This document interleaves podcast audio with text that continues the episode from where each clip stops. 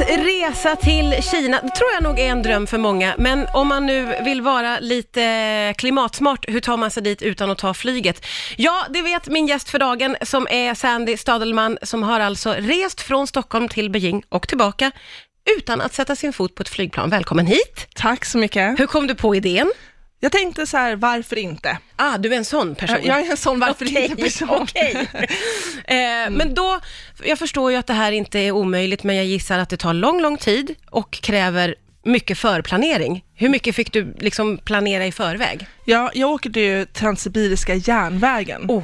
Många gör den en gång i sina liv och jag maxade, körde två gånger, en månad all in. Ja. Eh, Så att jag, resan tog en månad och planeringen inför kanske tog en månad också. Man måste ju fixa visum till eh, Ryssland, till Mongoliet och till Kina. Okej, så tre visumfix Mm. och sen då tänka ut, eller behöver man planera liksom själva Ja. resandet? Alla tågen borde vara bokade, sen om du ska göra stopp, jag gjorde stopp längs vägen, var du ska bo någonstans, utflykter, det var mycket planering. Och du reser själv också. Mm. Ja. Och det var inga konstigheter. Du har rest själv innan, förstår jag det som. Men jag, jag har rest mycket Ja. generellt, men det här kändes extremt utmanande. För att jag kallas för Många kallar mig för terremoto, det betyder earthquake på spanska. Så att jag är en earthquake och sätta en earthquake på ett tåg nonstop till Kina är ingen bra idé. Usch, hur var det för de andra resenärerna? Alltså exakt stackars, så fick jag diarré du vet, och det var ännu jobbigare för de andra. Jo. Och Det var mycket misär, men också fantastiskt. Alltså man, man träffar otroligt mycket människor. Ja, man är ju nyfiken på Transsibiriska järnvägen. Det, för mig har det något slags romantiskt skimmer om sig. Hur, Mm. Ja. hur är det? Det är romantiskt, men det är nog inte den standarden man tänker att det är. Aha, okej. Det är liksom tänkt ett snäpp under den. Ja. Och eh, på vägen hem från Kina så körde jag nonstop utan paus. Så att resan Stockholm till Beijing var tre veckor med stopp och, och olika platser och häftiga upplevelser. Ja. Sen resan Beijing-Stockholm var nonstop. På, det var transportsträcka kan man säga. Oj, oj, oj. Och då, då var det sex dagar på samma tåg, i samma vagn med ingen som kunde prata engelska. måste du ha klättrat på väggarna. Jag känner inte dig så väl, men ut- utifrån det du har sagt. Exakt, jag gjorde det. Och jag, dag tre fick jag ett litet hoppryt och då började jag grina, så försökte jag prata med vakten och bara “Why is it so cold?” Han bara “Njet, njet”. Jag bara “Men du säger njet till allt!” Han- Ja, det var fruktansvärt. Men, men det var också kul, för att det är de stunderna, jag brukar kalla det för FML moments, fuck my life moments. Okej. Det är de stunderna som man utvecklas och skapar karaktär. Ah, du ser, men du vänder ändå till något positivt. Ja, men jag frös hela resan hem, det gjorde jag. Ah, Okej, så hemresan låter ganska fruktansvärd, Mm. men jag gissar ju att det har funnits många höjdpunkter också. Ja, gud, absolut. Jag tog mig alltså från, för att sammanfatta så här vad jag ens gjorde, Ja. Stockholm till Helsingfors med färja. Sen tog jag tåg, Helsingfors till Sankt Petersburg, sen till Moskva och därifrån i Moskva kliver man på Transsibiriska. Ah. Så den tar den genom hela Transsibirien till en stad som heter Irkutsk som är Sibiriens östra östra Sibiriens största stad. Ja. Och sen därifrån genom Mongoliet in till Kina.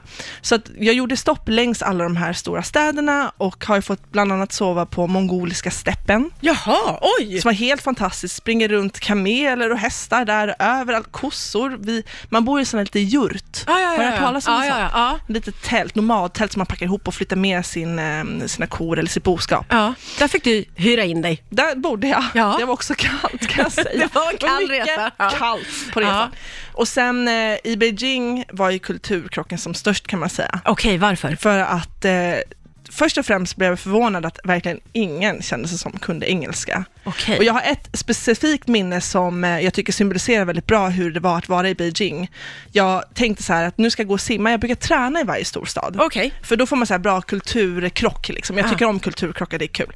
Så jag kommer till simhallen, det tar mig en halvtimme att komma in för att vi kan inte kommunicera med varandra. Hon säger att det är stängt via Google Translate, det tar jättelång tid. Ah. Så jag kommer in, står vid poolen, ombytt och klar och känner så här, yes nu ska jag simma med kineserna, gud vad kul.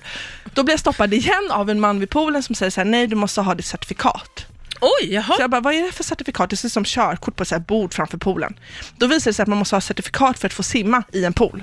Okej. Så det slutar med att alla vakter radar upp vid poolen och jag får göra ett simtest framför alla. alla får ditt certifikat. Ah, och jag bara, men driver ni? Och då sa jag så här, Tell him, för det var någon som kunde översätta åt mig. Ja. Tell him I'm a Swedish professional swimmer. och så gjorde jag så här med musklerna, jag bara, mm, jag bara, kolla på mina muskler. Han bara, no. jag bara, don't you see my muscles. Men då fick jag simma 200 meter och alla kineser tyckte också att det här var kul. Det kan Okej, jag säga. ja. Ja. och du fick ditt certifikat. Jag fick Och- det. Och du fick simma Jag i fick poolen. simma sen. Ja. Det var mycket thumbs up av kineserna. Oh, good, very good. Jag bara yes, sir, thank you. Efter Det det, är var underbart. jag och glad att komma hem sen. Ja, jag fattar, men vad roligt att du söker dig till den typen av upplevelser. Det känns ju inte så traditionellt kanske. Mm. Nej. Vad, vad letar du när du, vill, liksom, när du blir hungrig? Vad söker du dig till då? När jag blir hungrig på mat. Nej, så- Mm. Då är, nej men eh, jag tycker att eh, man ska våga vara närmare lokalbefolkningen när man reser. Så att för mig är att till exempel gå till ett gym eller en simhall, för jag tycker om att träna väldigt mycket. Ja. Det är för mig, för det är inga turister går dit. Nej, just det. du vill ha det, riktiga. Det är det, sa- det är det true Ja, way. Då ja. ser, man träffar locals, man säger ha vilka vikter lyfter du? Ja. Lite så här. Man Ja. får kontakt på ett helt annat sätt. Ja, även om man inte har samma språk så kan man Ja. ändå connecta med, på någonting då menar du? Exakt. Ja. Och sen försöka leta upp lokala marknader. Nu har de tyvärr rensat Beijing till exempel väldigt mycket på sådana här marknader och hutonger, de här små kinesiska bostadsområdena, för man Okej. vill modernisera staden. Aha, ja, ja. Så det Mm. fanns inte riktigt där ja, tyvärr. det är ju men, tråkigt. ja, men jag tycker om att, att jag, dit locals går, där går jag. Ja, men det där är ju jättebra tips till andra också som vill uppleva liksom det riktiga eh, stället man kommer Det är fram. essentiellt. Ja, eller hur? Dagens gäst Sandy Stadelman begav sig till Beijing med tåg och åkte hem igen och det gick alldeles utmärkt. Du har också gjort det här ensam, vilket jag tycker är fascinerande. Nu förstår jag att du, du är dels lite van att resa själv och eh, du har inte så ont av att vara själv. Du, du känns som en väldigt social person. Men du sa nu när vi pratade att du var ju inte riktigt ensam om att komma på den här idén att ta tåget långt. När jag tänkte när jag klev på Transsibiriska i Moskva mot Beijing, tänkte jag att det här kommer vara det mest crazy någon har gjort. Nej, nej, nej, nej, nej. Jag träffade så mycket människor på det tåget. Väldigt mycket västerlänningar, bland annat en barnfamilj som eh, hade bott i England ett år och reste nu med sina två små döttrar hela vägen från England med tåg till Tasmanien. Så de ska alltså från Japan, Ja. där de har tagit tåg hela vägen dit, ta färja över till Australien och sen ta sig till Tasmanien. De kanske fortfarande är på resande fot. Men det Kommer här aldrig är ju fram. Mm. spännande. Det känns ju som att det som vi har snackat om ett tag, det kanske faktiskt börjar hända nu, att vi Mm. reser mer långsamt som du säger, för det är ju det som händer.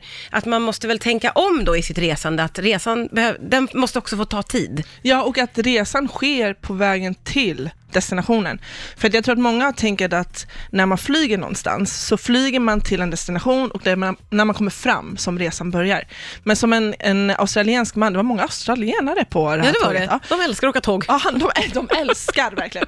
De, han sa till mig så här, men du, man får ju en win-win. Man får semester innan man kommer fram och när man åker därifrån med tåg. Ja, men det är ju exakt det tänket man ska ha. Då Mm. Ja. blir det ju liksom en, en mer, eh, en liksom win-win verkligen. Ja, och det var, men det var otroligt häftigt. Alla de här samtalen berikar verkligen och det är en av anledningarna till att man bör åka Transsibiriska för att man möter så mycket fria, äventyrliga själar som är så här crazy, som liksom sitter, man har diarré tillsammans, man dricker öl ihop, ingen kan liksom, alla tågvakter är ryssar och säger bara njet till allting, det är kul.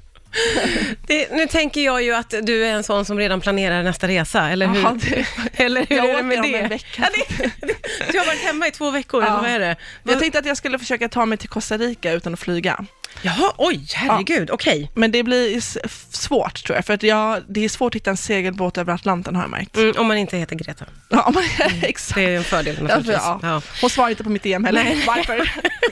Okej, men det känns som att du bör ägna viss eh, tid till planering i, i, åt det här, eller hur tänker Mm. Jo, men eh, det- det blir nu så här tror jag att jag kommer att eh, ta tåget till London. För att från London till New York så har du den kortaste transatlantic flight. du? Transatlantic Aha, okej. Ah, flight. Ja, ja, ja. Så, för jag kommer inte kunna, jag tog ledigt från jobb lite här i Transsibiriska och kommer Ja. inte kunna göra det igen även om jag vill.